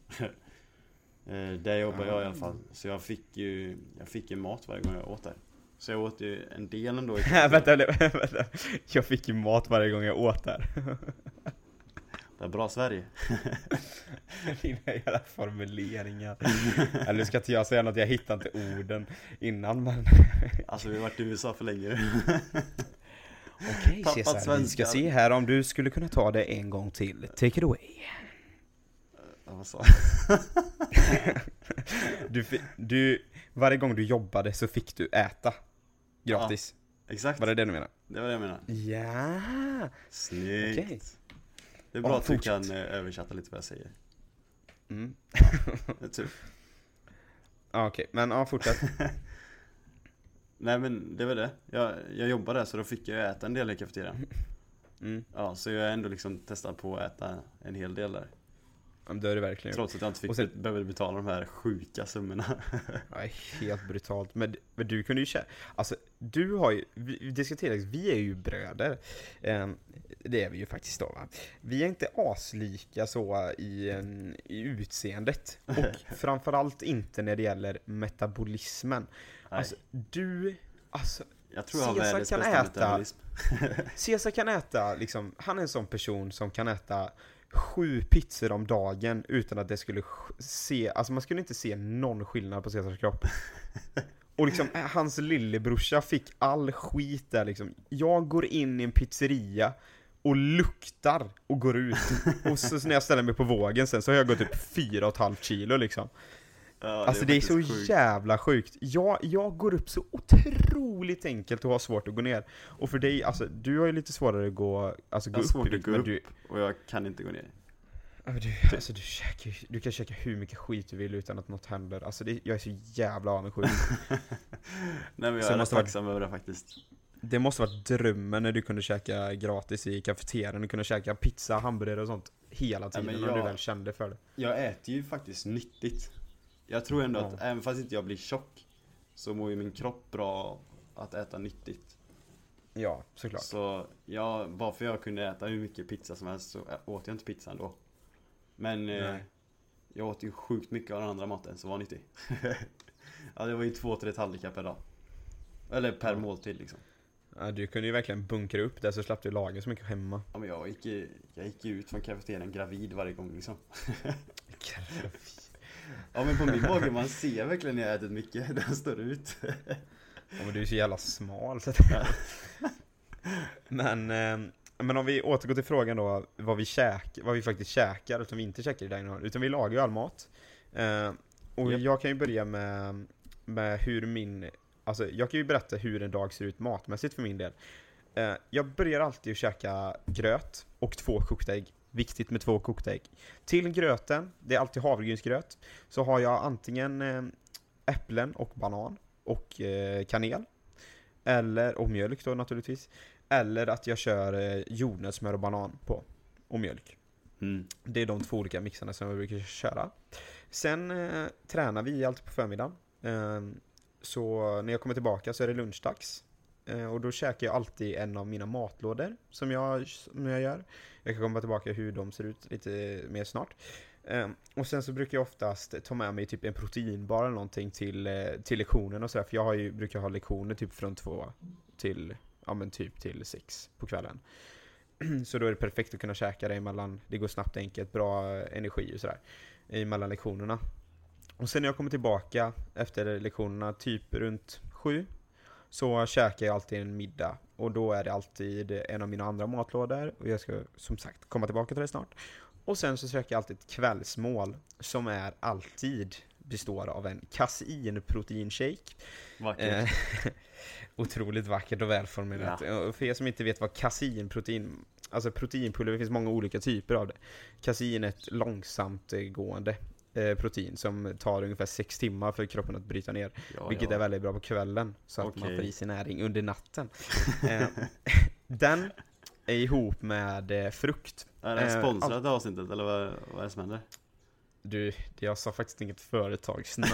Det finns faktiskt otroligt många olika företag som gör den här Ja, typen av proteinpulver. Jag har aldrig hört kasin så jag tänker det skulle lika väl kunna ha ett märke, inte vet jag. Ja, ja, men eh, god jul. Eh, God jul. kasin, pro, Ja, ja, proteinpulver, en frukt och lite havregryn till det. Och ibland lite jordnötssmör. That's it, för mig matmässigt. Ja. Eh, och matlådorna, eh, jag gör alltid, för jag tycker det är ganska tråkigt att laga mat, men jag har inte gjort det så pass länge så jag har bott på egen hand snart fem år. Eh, så eh, jag lagar alltid storkok, gör massa, massa matlådor, så fryser jag in. Eh, och eh, jag fryser, jag gör oftast alltså mega kok. Vi snackar 40 portioner. Och sen fryser in och kyler in och grejer. Jag tycker fortfarande det låter helt sjukt. Hur, hur kan du ens få plats med 40 portioner i liksom frysen? Ja, men alltså det, Eller äter du bara ja, men- samma mat varje dag då eller? Ja men jag har Eller typ fyra tänk olika. tänk Jag, jag brukar laga, Och så är det 40 portioner varje. Och då är det 120 matlådor. nej inte du 40 går upp på miljoner tre av olika. varje, inte 40 av varje, 40 totalt. Och jag, Ja. brukar, jag brukar typ laga köttfärssås, eh, ibland har jag gjort he- hemgjorda pannbiffar, eh, oftast en korvgryta. Ja. Jag älskar korv stroganoff men det finns inte falukorv här. Så då får man Konstigt. göra med en annan eh, korv. Eh, och sen så kyckling kan man göra mycket olika med kyckling. Och sen, eh, ja men det är väl typ de fyra som jag brukar göra. Men så jag liksom så här går till Walmart och handlar och Walmart det är ju liksom som, det är som ett litet Ullared typ. Alltså det är, det är som en butik som har allt. Det är helt sjukt stort. och i Albany, där jag befinner mig, så finns USAs största Walmart. Mm. Vilket, alltså, coolt. Walmart finns, det, alltså Walmart finns i varenda jävla ställe och varenda stad och... Men är det, är det typ lika stort som GKs? Ditt Walmart? Ah, Eller lite mindre? Nej, det är det inte. Nej, det är, inte- det är mindre. Ja. Men det är fortfarande skitstort. Det är liksom så här två, tänk dig ett helt Ica Maxi typ. Med två våningar som Ja. är lika stora. Ja, det är liksom okej. så. Det är Ja liksom för helt, alla Walmart är, är ju skitstora liksom. Ja, nej men så det, är- alltså det, det är skitstort. Men så då brukar jag alltid, när jag åker dit så köper jag på mig rejält med grejer och sen åker jag hem och lagar och så fryser jag in och käkar. Ja. Men det är min, eh, jag skulle faktiskt kunna lägga ut eh, två måltider plus ett mellanmål som jag käkar. Som jag käkar ibland. Det kan jag lägga ut på Instagram story i morgon tisdag då. Eh, Om det finns något intresse. Ja, otroligt eh, vad Mästerkocken eh, kan eh, ta fram. Ja. Se vad Men, det är min- fyra, fem års tid. Ja men det är framförallt smaken som har Ja, utvecklats, så den, kan man okej. inte, den kan man inte prova på va, genom en bild va. Men till din matrutin då, hur ser det ut en eh, dagsrutin med dig matmässigt? Ja, jag kan dra lite snabbt. Eh, Vi går upp och så har vi träning då klockan typ sex varje morgon. Eh, Käkar du innan den? Nej det gör jag inte för jag Alltså jag är ju en kvällsmänniska Egentligen Jag hatar ju morgon och jag gillar att stanna uppe sent på kvällen Eh, Så det passar inte mig riktigt men jag har ju kommit in i det nu i alla fall Jag föredrar ju inte det men jag har ändå vant mig Ja. Så jag, jag går upp och så sätter mig typ direkt på cykeln. Det är det första jag gör. Och så cyklar jag till träningen. Eller om jag får skjuts. Mm. Så jag äter ingenting i början. Eh, Och sen så kommer jag hem efter träningen. Eh, Och så sätter jag mig till frukost och så duschar. Och sen så vilar jag och pluggar lite grann. Men vad fan, det här handlar om mat. Ja men Det är lika bra att snika in med det Stötta men ja, vi, nu, vi, vi, kommer återkomma, vi kommer återkomma till det ämnet för vi har en fråga som är lite mer hur en dag ser ut. Kan vi inte bara lägga in Så- det nu då? Ja, men om du... Det blir typ samma sak Ja ja, vem bryr sig? Nej men säg maten, säg Ja, maten bara. Okej, sen spelar det ingen roll vad jag gör Sen äter jag lunch eh, Men hur ser maten ut? Ja. alltså, det är ju det som är frågan, vad vi, vad vi äter. Okej. Jag äter lunch, jag Okej. äter, alltså säg vad du äter, vad äter du för frukost, lunch, middag och käkar du något mellanmål? Alltså det är Sorry. inte svårt. Ja, ja, ja. Nej men jag äter också som du gör oftast gröt. Och då brukar jag äta det med jordnötssmör. Eh, få in proteinet, du vet. Eh, och sen så brukar jag alltid äta med färsk frukt. För det är ju ett av fördelarna att bo i Hawaii. Det är alltid färsk frukt. Och vi har en så här stor marknad i staden. Eh, där de alltid säljer liksom färskproducerad frukt från den här ön. Så det är Ja, och det är inte, det är inte päron som är närproducerat, utan det här är ju tropiska drömfrukterna som alla vill ha. Ja, nej men liksom- jag brukar köpa, alltså typ en del frukter är ganska dyra, typ ananas och mango och så, det är ganska dyrt. Eh, så det äter jag bara ibland. Men jag, jag har nästan alltid papaya, det är sjukt gött. Eh, papaya och banan är nästan alltid till. Ibland så köper vi äpplen också, även fast inte det är liksom hawaiiansk frukt. Så det är ganska gött att ha i. Ja. Så i- ja, i morse då, då hade jag äpple, papaya, banan i. Ja, det var gott. Fan, en riktig fruktsallad ju. Ja, men det är typ, det smakar inte så mycket gröt. Det smakar ju mer frukt. Men det är ju det, som är gött, alltså det är ju toppingen som är goda. ja. Så, men, nej, men jag kör ju nästan topping med gröt. jag ska vara helt. Ja, nej, men det är gött som fan. Ja. Käkar du något till gröten? Alltså, eh, Ja, jag har alltid ibland två har jag kokta ägg. mjölk. Liksom. Ibland har jag inte. Nej alltså, jag vet att du kör mjölk till allt. men Nej jag. men jag menar alltså... Nej, men jag menar har aldrig ägg till- mer än gröt. Jag vet inte Nej. hur du kan äta ägg till också. Det är helt sjukt. Ja, men, men jag ibland brukar äter jag inte gröt och har typ äggmacka. Ja, okej. Ja. Så det är så min frukost ser ut. Ja. Inte jättekortfattad men Du Nej, det var rätt, eh, men det var, det var verkligen så här eh, väl eh, nyanserat, utvecklat och nyanserat. Ja, nöjd? Mm, jättenöjd. Tack. Skönt. Ja, Ja, men sen äter jag lunch. Vidare. Och då, lunch är lite olika. Jag lagar, lagar nästan alltid lunch. Om jag inte gör det och är lite lat så brukar jag äta typ Loco Moco i skolkafeterian. Inte den, eh, Oh. inte den dining hall där alla som bor på campus äter utan en, en annan kafeteria. För de som är utanför Men- campus. Loco Moco måste vi förklara, för det här är ju en hawaiiansk måltid. Jag Ja. provade när vi var på resa i Hawaii och det är fan gott. Berätta vad det, vad det innebär, eller vad det är för något. Ja, det låter inte så gott men det är ris, hamburgerkött eller kyckling med ett stekt ägg. Och den är i en, eh, i en sås som är brun, så det är typ som en brunsås fast det smakar inte riktigt som brunsås. Ändå ganska likt. Ganska likt. Ändå. Ja. Ja, alltså det låter ju för jävligt. Men det är fan gott. Ja men det är faktiskt en god mix om man ska vara helt ärlig. Ja, Det- det... det är helt sjukt, men det är fan gott alltså. Ja, och Hawaii är så fruktansvärt dyrt alltihop. Förutom det här. Eh, så äter man i liksom skolkafeterian där, för de vet ju att alla är fattiga studenter. Eh, Ja. Nej men jag köper, jag brukar alltid köpa till extra ris på den också så jag blir mätt. Ja. Eh, så då har jag liksom Loco Moco med extra ris för 5 dollar. Vilket är typ 50 kronor. Ja, Det är fan så det är, inte det är svinbra. Jämfört med vad det kostar att käka ut i Hawaii så är det hur bra som helst Ja men det är ju mer, eller det är mindre än halva priset än om man köper en vanlig måltid ute. Ja men alltså köper du Loco Moco på någon restaurang så är det ju 13 dollar Men- lätt. Ja men typ alltså. Det är ju dyrt. Ja, men Så, fan nej men det, är- det är sjukt bra. Faktiskt. Det är ju en bra lunch faktiskt. Ja, annars så lagar jag någonting hemma själv. För jag och min rumskompis, han är, i skolan då när jag är hemma. Och Ja. han är hemma när jag är i skolan. Eh, Men sen på kvällen så då lagar vi alltid samma, eh, mat tillsammans. Jag och min eh, rumskompis. Eller, vi har olika rum men vi delar ju lägenhet. Ja, Eh. mysigt. Ja men det är Tända skitgött. Jag, jag gjorde inte det i Kentucky alls. Då lagade jag alltid själv. Och det var ju svintråkigt. Och Är det jag tända tröttnade ju ljus på och så med- rejält alltså. Har ni tända ljus, du och Julius? Ja, det är romantiska kvällar varje kväll också. Ja, laga mat så... Nej, men Nej. Eh, nej men det är skoj. Det blir roligare att laga mat och det är roligare att äta tillsammans med någon också. Så, Men han är ju tysk. Han Är det alltid wienerschnitzel? Ja, nästan. Varje kväll? nej men varannan i alla fall. Nej men vad, vad, vad lagar ni? Nej men det är mycket olika. Eh, våran vanligaste är typ kyckling och ris i några former.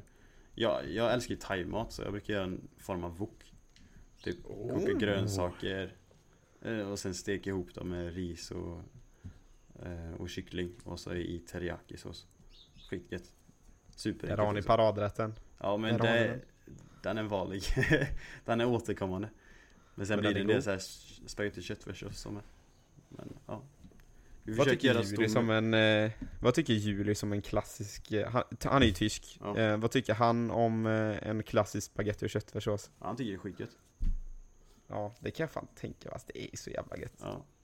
Nej men vi brukar ha en rätt stor vari variation på mat på kvällen.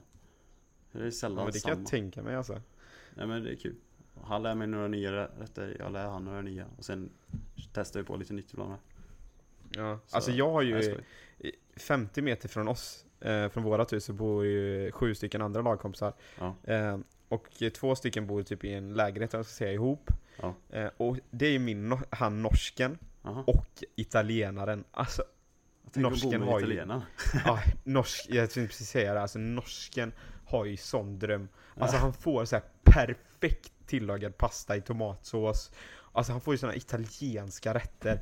Du vet de grejerna, för vi har en grupp med alla, eh, så här, eh, alla i laget och då lägger de ut vad de käkar. Alltså det ser så jävla gott ut.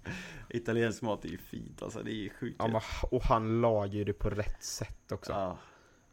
Det ser så jävla gött ut. Ja, det var bara en passus. Eh, Ja men det är middag då. ja. Vadå? Kä hade käkar du något mer eh, Nej, på men- kvällen? Nej, jag har ingen så här kasin-grej. Det, det är slut där. Det, that's it liksom. That's it. Men vadå, står du dig på en middag och sen till efter träningen? Så du käkar inget ner på kvällen, inget på morgonen och sen tränar du på middagen då? Nej men jag äter ju tre gånger om dagen. Frukost, lunch, middag. Jag hade fan aldrig bara klarat det Ja, alltså. Men sen äter jag ganska mycket när jag äter någonting. Alltså alla Jo men det mina är ju portioner jag med, men jag är ju sånt jävla matvrak så jag äter ju för att det är gott med. Nej men ibland så äter jag någon frukt emellan eller någonting sånt. En macka Ja. kanske.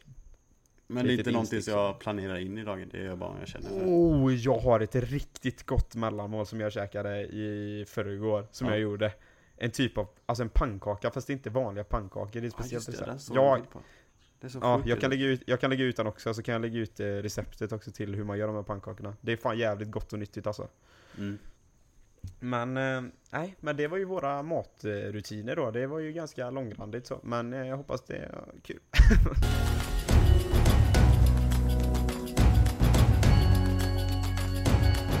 ja, men vi hoppar väl på nästa fråga på momangen då va? Eh, den här är faktiskt väldigt intressant som vi absolut inte har pratat om innan. Eh, Men har ni blivit mer insatta i amerikanska sporter eller är det bara socker som gäller? Mycket bra fråga faktiskt. Ja. Eh, Alltså man kan ju tillägga det att vi är ju inte Du är ju ännu mindre insatt i fotboll överhuvudtaget Ja, faktiskt. Alltså det är inte så att du direkt följer Premier Nej, League jag gör ju inte det. Nej Men jag, jag gör ju inte riktigt heller det Jag tittar på någon match då och då men det, det är rätt sällan alltså Men man har ju ändå koll liksom. Eh. Man är, ju- man är ju Ja ändå, man är lite koll man är ju ändå i denna världen hela tiden. Man har ju koll. ja. Eh, Men typ Champions League och VM och sånt, det har jag alltid koll på ja. Hyfsat i alla fall det, det tycker jag är kul att följa, men jag följer inte någon liga så här. Nej, det tar för mycket tid Så det tycker jag. Ja. Så lite så liksom, för att jag inte ens följer i liksom fotboll så blir det inte riktigt att jag följer i typ amerikansk fotboll heller. Nej, Eller baseball och så här. ja men exakt. Men Man- jag i alla fall, jag, jag fastnar för basket. Jag tycker det är skitkul. ja, verkligen. Alltså, jag Men har ju inte haft Jag något... tycker typ, ibland är det ju bara med roligare att kolla på basket än att kolla på s- liksom våran fotboll liksom. Ja, ja, absolut. Men det blir också, det blir något det- nytt. Det blir något nytt liksom. ja, exakt. Jag, jag har aldrig liksom varit intresserad av eh, någon annan sport typ egentligen än eh, liksom fotboll. Men nu när man kommer till USA, man, alltså det blir ju något annat. För här är det ju liksom sporter som inte knappt finns någon annanstans. Liksom amerikansk fotboll är fan inte Ja. stort någon annanstans än just i Amerika. Amerikansk fotboll va? Eh, mm. Eh, nej men eh, så den, och det är ju hur stort som helst. Alltså det är ju helt brutalt hur stort det är. Det är helt sinnes. Ja, Samma med basket. det är sjukt Och stort. basket är typ inte heller så stort. Alltså det, är, det finns ju ändå alltså, länder där det ändå är ganska stort. Men det är liksom inte på samma nivå som USA. Det finns ju inte. Sen även baseball också. Helt sjukt stort här. Finns ju knappt i något, något annat land typ, vad jag vet. Eh, och sen så finns det ju en... Det fin- de finns ju i andra länder, det är bara att det liksom, det är inte så... Men det är jätteminoritetssporter liksom. Alltså det är inte, det är inte, oavsett, det är inte, det är inte känt i alla fall från något Nej, ställe. exakt. Eh, Det, jag vet att det finns en del länder som håller på med det. Mm. Ja, ja, absolut. Även amerikansk fotboll finns det en del länder som det är ganska stor sport i. Mm. Men det är liksom, jag vet inte om det finns någon ens i NFL som inte är amerikan egentligen. Nej, det, Det gör det säkert. ja, det gör men- det ju säkert någon rackare som har tränat hemma. Men, eh, Ja. men och sen så finns det ju lacrosse. Alltså det är ju också så här. Finns det på så många mer ställen? Nej, Och det är skitstort här. Alltså det är skitstort. Lacrosse för er som inte vet det, det är att du springer runt, hjular runt på planen. Det är två lag mot varandra med en jävla hov. Och så ska man kasta en boll emellan då. Så ska man fånga den i sin egen lilla hov. Och sen ska man passa så. Sen skjuter man den i mål. Ser helt... Det är galet tuff sport dock, för de, de får ju slå varandra med den där pinnen. de där? Så länge de slår på typ armarna. Man får slå på varandras armar. Men har man skydd då på armarna när man Det spelar? är sjukt. Jo, men det är, ju- de säger att det är skitont ändå. De Lacoste-spelare jag Oj, pratar med. helvete. Men det, alltså det ser ju... Ja, jag bara liksom, jag trodde det var myt först när man fick det.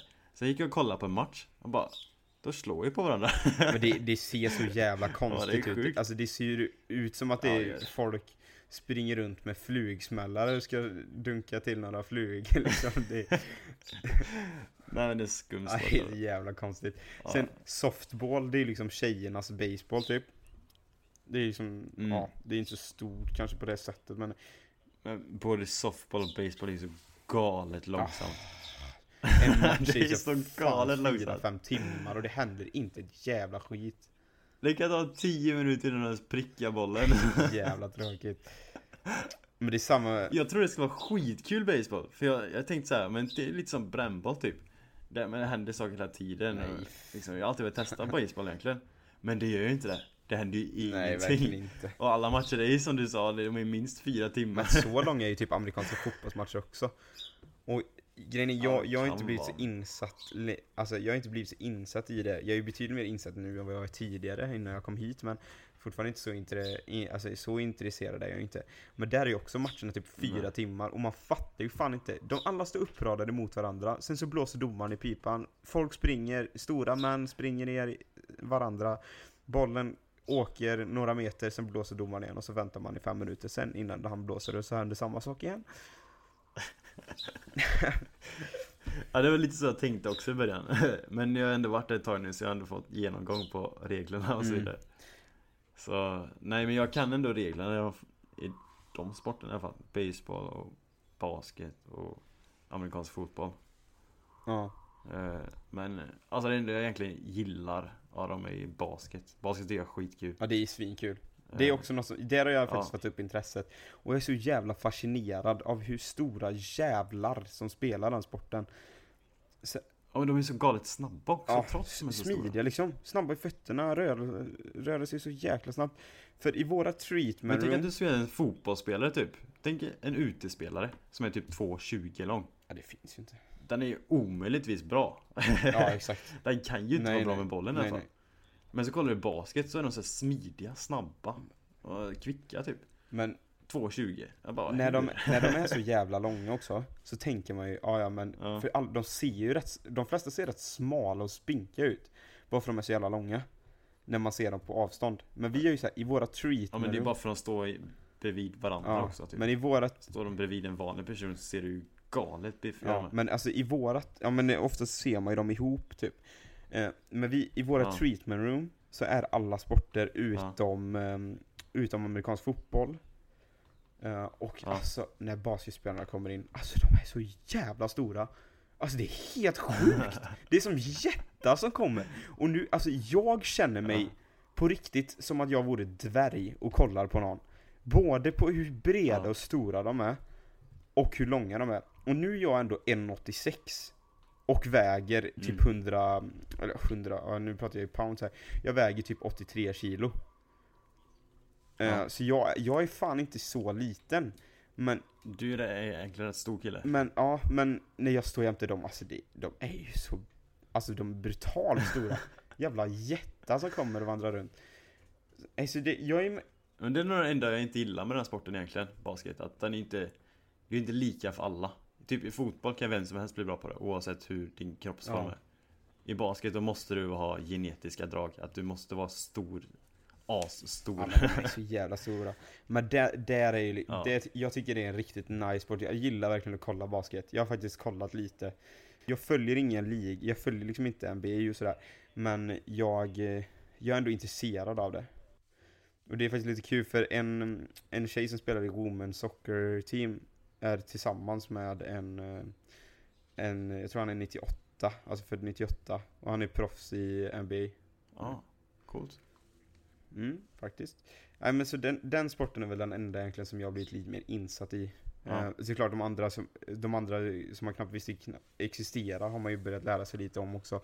Så det blir ju automatiskt. Men eh, basket är väl där man fått upp ögonen för. Riktigt cool sport. Ja, Um, Nej, men jag- ska jag vi hoppa på dig. nästa? yes, det tycker jag. Sen har vi en otroligt eh, bra fråga här. Vem utav er skulle vara bäst på innebandy om ni spelade? Vi har ju faktiskt spelat innebandy, bara på skoj.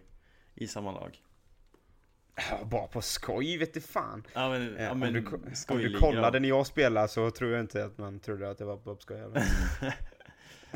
Nej men efter vi spelat det. så vet vi ju alla att jag var den bästa. Så Alltså, nu ska vi tillägga så att våran kompis, eller ja, en av mina absolut bästa kompisar startade en innebandyklubb. Bara för att han tyckte, han tyckte det var jävligt kul och det fanns ingen innebandyförening i Ulricehamn. Så vi var väl typ, var, alltså vi var fan många ett tag. Vi var typ 25 kompisar som spelade så en gång i veckan en timme och bara lira. ja, och sen Och spelade vi lite alla vi lika. var så här. Ja men alla vi, nej men det gjorde vi inte första tre åren gjorde vi inte det. Första tre åren bara spelade vi en, Men du Ja, har ja, spelat fan, vi i spelade- tre år. Hur men vi spelade ju bara för att det var kul i början. Jo, Det var ju minst två år, minst två år, 100%. ja, ja. Men, ehm, så då ska tilläggas att vi alla som spelade var antingen typ fotbollsspelare eller hockeyspelare. ja. Inte porslinssporten innebandyspelare. Ehm, så vi kunde ju inga regler, vi tacklade som aldrig förr och vi liksom, klubban så är vi många som ett verktyg, den kan man ju slåss med. Nej, men, så, alltså, vi kunde ju fan inte reglerna och innebandy får man knappt röra varandra liksom. Det är ju så jävla porslinssport.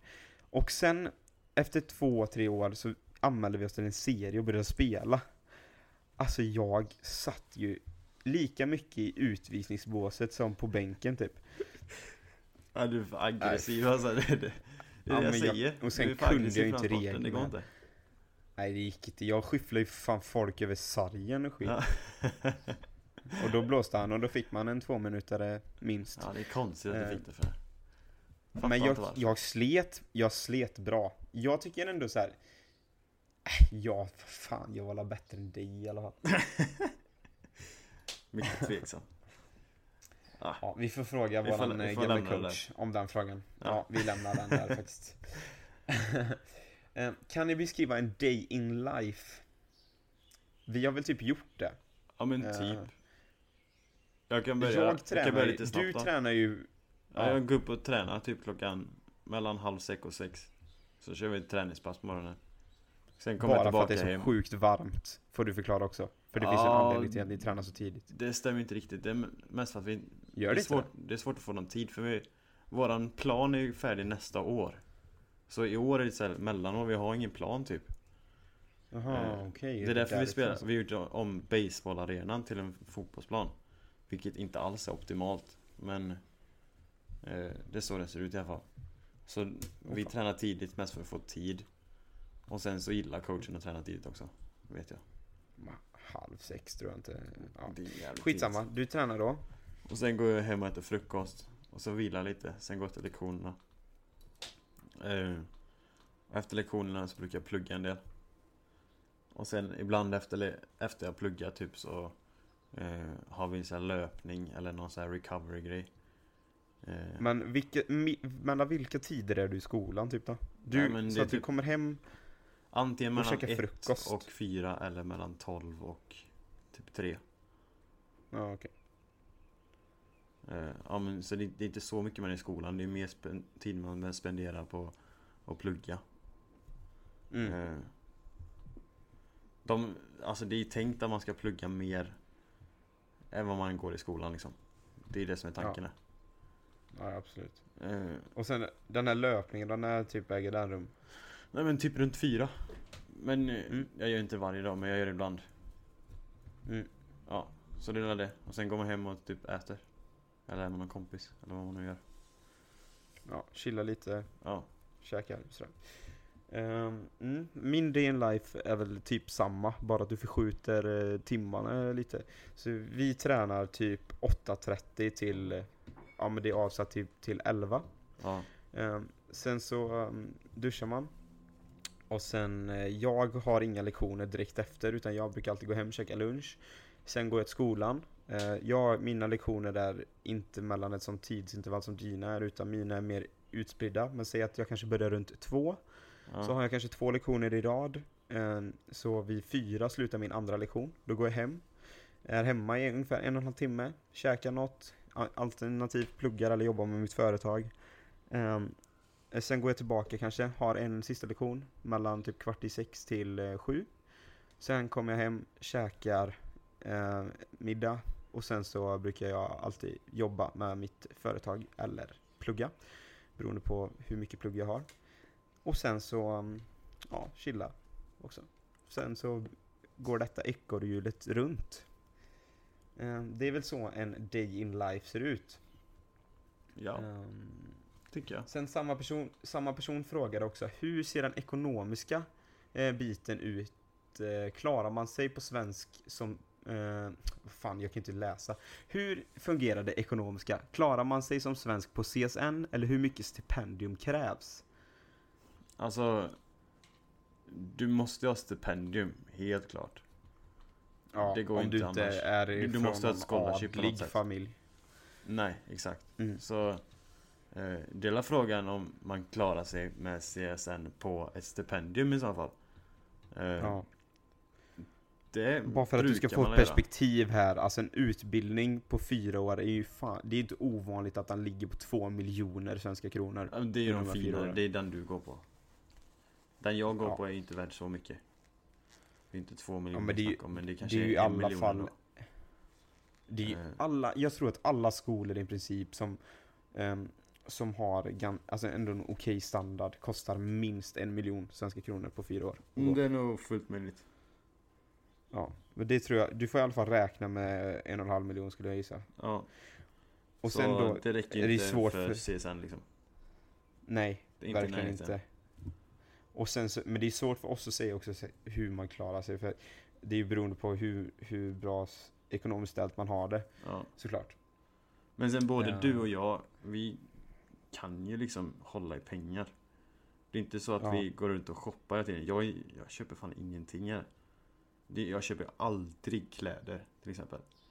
Jag köper ju, när jag går och handlar så köper jag det jag behöver. Jag, jag köper ju aldrig Ja. så här godis eller något extra. Det, jag köper det jag Ja. behöver och inget mer. Så jag håller, jag, båda vi två kan ju hålla i pengarna. Utan att vara liksom så snåla men vi är liksom ekonomiska. Så liksom, ja, alltså det, det, jag, köper typ, jag köper typ bara det, det som jag behöver, och ja, sen typ allt annat jag spenderar är typ att jag investerar i mitt eget företag. ja. Så, Så, um, nej men, men sen hur mycket stipendium som krävs, det beror väl också på lite som sagt hur bra ställt du har det själv ekonomiskt, vilken skola det är, vad den kostar. ja. Ehm, så. Um, så det är klart att det, alla kan inte få det bästa stipendiet heller. Och sådär. Så det, det är svårt, men man får kolla runt och då finns det oftast väldigt bra rekryteringsföretag i Sverige som kan hjälpa dig med den biten. Men sen är det också så här att Det beror på lite vad man väljer Skulle jag vilja gå till en så här topp division 1 skola eh, Det skulle ju bli väldigt svårt för det första för mig I och med att jag inte har mina, några meriter som riktigt kan säga att jag är tillräckligt bra för den nivån men om någon skulle vara intresserad av att ta mig Då är det inte så att jag får ett fullt stipendium direkt eh, Det är omöjligt Så Men om jag går till en division 3-skola till exempel som är under min nivå Då kanske jag kan få ett riktigt bra stipendium eh, Ja. Så det beror ju på vilken level man nöjer sig med Också Ja, ja men verkligen. Men så är det ju. Eh, man kan ju få allt mellan 0 till 100% stipendium och varenda procent är ju värt väldigt, väldigt mycket. Ja Så. ehm, men vi, vi har väl ganska bra stipendium så också. Ska vi, bara för att ge ett perspektiv. Ja Så. Men sen, Jag alltså, har- för, för mig till exempel, det är inte så att jag betalar mest för skolan här Utan mest betalar jag för att leva här för att det är så galet dyrt i Hawaii Ja. Eh, Så visst, min, från Kentucky till här blir det ju galet mycket bättre kostnad för skolan Det gick ju ner extremt mycket Men samtidigt Mm. gick ju levnadskostnaden upp extremt mycket också Ja, Eh, exakt. Så Du gick väl typ jämnt ut i totala kostnaden? nej, jag gick ner lite grann Men eh, samtidigt så tycker jag att jag höjde levnadsstandarden för mig själv riktigt mycket Så det var Ja. ju Jag är sjukt nöjd med vad jag gjorde liksom. Ja, ja men exakt. Ehm, men som sagt, det, ja, det beror på väldigt mycket vad, hur, du själv, hur mycket pengar du själv har. Sen vilken skola det är. eh, och utifrån det så blir det ju hur mycket stipendier du behöver kontra hur mycket CSN-lån du behöver ta också. Ehm, samma, fråga, eh, samma person har också frågat, finns det något som ni är missnöjda med? Eller är det något ehm, som var under era förväntningar eh, i college då? Alltså vi, är vi nöjda generellt eller förväntar vi oss mer eller mindre? Generellt är jag asnöjd Men det är klart det finns massa så här små saker som inte alls är i närheten av hemma Ja, så är det ju. Så Men eh, alltså det finns ju så sjukt många delar vi kan diskutera på denna frågan egentligen. Men om man ska konkretisera det och göra det ganska generellt så jag i alla fall är väldigt nöjd. Jag, det mötte ändå ganska mina förväntningar ganska mycket. Jag hoppades, alltså jag åkte hit i hopp om att jag skulle få bli första målvakt. Eh, att träningarna skulle vara bra, en bra utbildning, få bo off campus på ett schysst ställe och att allting skulle funka rent praktiskt. Och om man tänker för de här kriterierna så uppfyller, har alla de uppfyllts hittills. Så att eh, jag är väldigt nöjd. ja Ehm, så. Och jag kom ju hit för att jag, vill, jag visste inte vad jag ville göra, men jag ville göra äventyr. Jag funderade typ på backpack och sånt där, men jag ville inte lägga ner min fotboll. Och samtidigt så Nej. kände jag att jag... Det, jag ville kanske inte spendera alla pengar jag har på någonting som inte kommer ge mig någonting i framtiden liksom. Så jag åkte ju till USA för att bli lite bättre på fotboll och for, kunna fortsätta med fotbollen. Eh, och att få ett rejält äventyr med en framtid. Eh, och jag har ju definitivt fått det äventyr jag velat ha. Eh, det blir vad man gör sig till också. Så typ komma till Kentucky först, det var ju äventyr det liksom, för det var ju sjukt annorlunda. Och sen hade jag Mm. möjligheten att åka till Houston och bo där i tre månader. Och sen nu får bo i Hawaii, så äventyr fick jag ju definitivt där. Och det var ju det, vi- Det kan var man det jag ville ha liksom. Så... Man, man kommer hit med olika mål, antar jag. Om man vill åka till USA. Eh, Så Ja, det blir ju alltså vad man det, till. man, man får ju vara beredd på att det blir en omställning. Alltså det, det är eh, annorlunda liksom. Ja. Här kontra eh, i Sverige såklart. Alltså det är annorlunda. Det är liksom Trumpland också va? Du vet, eh, du vet aldrig, det kan komma upp en mur precis utanför huset eh, någon gång mot. Så att mexikanerna inte ska kunna komma in. Man vet aldrig. Trump Nej. alltså. Ja, i- Jag, jag har en del, del ska inte- skyltar där borta. Dump Trump. Trump, Trump. Ja. Ja. Men eh, vi har två frågor till som vi tänkte ta. Ja. Eh, de är väl lite samma. Vi, eh, tror ni att det är bäst för er fotbollsmässigt att börja spela i USA eller att stanna i Sverige? Och sen den sista frågan också, vad är målet långsiktigt med ert fotbollsspelande på college? Eh, det är väl lite, de kan ändå gå lite hand i hand där. Ja. Eh, Våra tror jag är ganska bäst- olika. mm, ja, verkligen. För jag kom ju hit från inte alls en så hög nivå som du var på. Eh, så jag visste inte vad jag ville göra. Jag ville ju bli så bra som möjligt och se vad det tog mig. Eh, jag hade mer mål när jag åkte hit än vad jag har nu. Eh, Ja. jag visste inte, alltså min dröm har ju alltid varit att vara proffs. Men samtidigt, nu har jag fått leva det här proffslivet. Jag känner liksom, jag vet inte om det är det jag vill göra. Eh, det är ju, får man massa pengar för det så det är definitivt det jag vill göra. Men det är inte många som får den möjligheten. Att kunna tjäna massa pengar på det. Mm. Eh, Så jag vet inte liksom, jag är sjukt nöjd att, jag är nöjd med min fotboll redan nu liksom. Fotbollen har tagit till Hawaii liksom. Så bara det försöker Ja, jag uppskatta i sig. Eh, Men om man tänker, alltså lite, din tanke var ju lite då när du åkte till college ändå att du gick ändå hit för att du hoppades att det skulle bli ett lyft i fotbollsmässigt också. Ja, definitivt. Men det måste jag säga att det har ju det blivit. Jag har definitivt Mm. blivit en bättre fotbollsspelare. På alla plan liksom. Eh, det har verkligen hjälpt mig fotbollsmässigt. Mm. Ja men eh, så, alltså för min del så, jag har ju spelat ändå på, på hög nivå, så sen så gick jag ju till division 1. Eh, och blev jag var andra målvakt där i division 1. Och jag trivdes ju, alltså det har vi pratat om tidigare, men jag trivdes inte jättebra i Varberg då när jag spelade i Tvååker. Så som jag hade hoppats kanske. Och det är klart att det medför också, för jag flyttade dit bara för fotbollsmässiga skäl. Och bli andra målvakt det är väl lite så halvkul. Och då kände jag bara att fan, jag vill ju inte tappa möjligheten. Det här är sista året som jag kan åka till college. Jag vill verkligen ta vara på den här möjligheten att alla de här timmarna som jag har lagt ner på fotboll ska jag inte bara känna efter typ efter något år liksom, fan jag orkar inte mer utan jag, jag lägger detta på hyllan. Och sen att man inte får något mer av det. Men då kände jag bara, nu kan jag få en skit skitcool upplevelse. Lära mig språk, alltså engelska betyder bättre. Eh, få en fantastiskt bra utbildning. Eh, samtidigt som jag får spela fotboll på hög nivå. Ja. Det är klart, alltså, jag vill inte missa den här chansen liksom. Den här fantastiska möjligheten man har. Att ta vara på den. Eh, Så det var ju en stor anledning till att jag gick hit.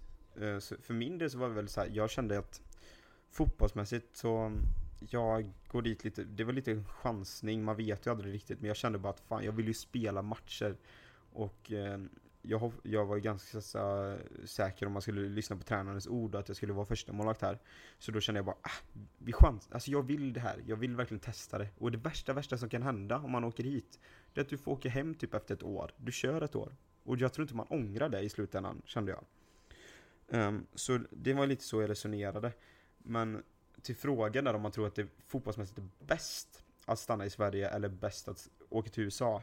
Så tror jag att, alltså, om du verkligen, verkligen vill satsa på fotbollen eh, och har en, ändå, alltså du har en bra situation att du får spela, du känner att du utvecklas, så tror jag kanske att Sverige kan vara en fördel. Men det är samtidigt, det beror på vilken nivå du spelar på, för alltså socker i, på college ska inte underskattas. Utan det är, alltså den nivån jag spelar på här nu i division 1, vi möter riktigt bra lag. Ja. Och jag, alltså vissa matcher är riktigt hög nivå. Typ, vi hade en match igår när vi vann med 2-0 mot ett riktigt högt rankat lag. Den matchen var riktigt hög nivå. Det var högre än U19-allsvenskan liksom. Ja. Nej men det är så, är du, är du typ som jag fast i typ division 3, division 4 någonstans eh, och du vill gå vidare i en fotboll, ja men kör definitivt. liksom. Eh, är du liksom i U- U19 allsvenskan, eller sån här, då är det liksom stanna kvar. Liksom. Fast samtidigt inte. För U19-svenskan är tillgängligt för dig tills du fyller alla, tills du är, har blivit äldre än 19. Ja, När du är i och för sig. 20 så är du för gammal, du får inte spela där. Det var ju så det var för mig. Då fick Ja. jag ju byta till eh, tvååkare i division 1. Ja. Så jag, alltså man ska absolut inte stänga dörren för college. Och samtidigt så här, i division 1, jag jobbade heltid innan jag åkte till träningen. Och man kom hem helt död, typ. Ja. Här får du leva i princip som, i princip som proffs, fast du sköter en utbildning också. Ja. Så det är också en annan typ av liv. Om du vill verkligen testa liksom så här, hur är det att leva professionellt, typ. College är ett jättebra alternativ. Ja. Jag har ju, jag har ju haft den här fantastiska förmånen att faktiskt få, få försörja mig på att spela fotboll. Eh, under några månaders tid. Eh, och det är ett fantastiskt liv. Så jag, jag har ju provat det utan att behöva ha en utbildning. Eh, samtidigt som jag prövade också att ha en utbildning. Eh, och det är ju ett fantastiskt livsstil liksom. Om du verkligen vill satsa på fotbollen och kunna ge den 100% effort så är ju college ett jättebra alternativ. Ja. Eh, Men det, det är väldigt mycket från person till person. Det, det, jag skulle säga, det finns verkligen för och nackdelar med båda. Ja, Såklart. det. Det handlar nog om vilken situation man är i. Ja. Och sen, vad är målet långsiktigt med att fotbollsspelande på college? Alltså, det, det är väl här, man får ta det lite som det kommer. Men Mm. gör du det jävligt bra här och spelar till exempel i den divisionen som jag gör. Det finns jättefina möjligheter att bli draftad till MLS, Ja, som men- är högsta divisionen i USA. Den målvakten som spelade innan du kom dit, han som var första målet Mm. innan, han blev, kom ju till MLS nu. Direkt efter Mm. college. Så, Och han blir ju vrålproffs efter detta nu. ja. så för dig är liksom möjligheten att bli proffs, de är ganska stora nu. Framförallt när Mm. du redan är första målvakt och har ganska bra statistik. Eh, Så men för dig verkligen. ser de ju liksom rätt stora ut, möjligheterna. Eh, Och sen så ser inte jag detta heller som en nackdel, för när jag kommer tillbaka till Sverige typ, säg att jag går fyra år här, då kommer jag vara 23-24 Ja, ehm, när jag kommer tillbaka. Vilket inte är jätteålder för en målvakt. Och alltså college, det är fortfarande hög nivå. Jag vet att jag kommer ändå vara på en hög nivå liksom, om jag fortsätter spela här. Ehm, och komma tillbaka till Sverige. Alltså jag känner att jag, har, kom, jag kommer ju vara bättre än vad jag var tidigare. ja Och när jag, in, när jag var tidigare, då spelade jag i division 1. Så att, vilket inte är fy skam det heller. Så det är klart det finns ju fina möjligheter när man kommer tillbaka också. Ja, Men eh, någonstans får man ändå erkänna att liksom, man är ju här också en stor del för att det är en fantastisk upplevelse. ja. ja. Så, men för mig är det liksom, det är inte, proffs är kanske inte mitt första mål just nu. Eh, Jag tränar ju på och liksom försöker leva nuet, liksom för- försöka bli så bra som möjligt just nu. Men sen, Mm. alltså, det finns spelare från min liga som har gått proffs. Eh, Jag vet till exempel från min förra liga, eh, var det en som gick och blev heltidsproffs. Eh, i Kentucky. Ja. Och, så att det finns ju en del som går och blir heltidsproffs därifrån också. Men det är, det är betydligt svårare för mig att göra. Och jag känner att det kanske inte är riktigt mitt huvudmål längre. Men samtidigt, jag har ingen aning vad som händer i framtiden. Så, så länge man fortsätter kämpa på nu och gör så gott man kan hela tiden. Då behöver man kanske inte oroa sig för mycket om det. Nej, nej, absolut inte. Möjligheterna kommer alltid finnas liksom. Exakt. Det finns fortfarande möjligheter. Eh, och sen så behöver man inte vara orolig heller för att allting är kört. Alltså det finns alltså, sådana här sjuka exempel, typ som Jamie War Vardy liksom. Spelade i engelska landslaget, avgjorde Premier League i princip Mm. eh, för några år sedan. När han var 25 så jobbade han lager och spelade i femte divisionen i England. Ja, Vilket var typ den åttonde högsta divisionen tror jag var. Ja, exakt. Ja, det var något och sjukt. då, det var när han var 25 tror jag. Ja. Och då tänker många att då har du pikat din fotbollskarriär. Inte han. Nej.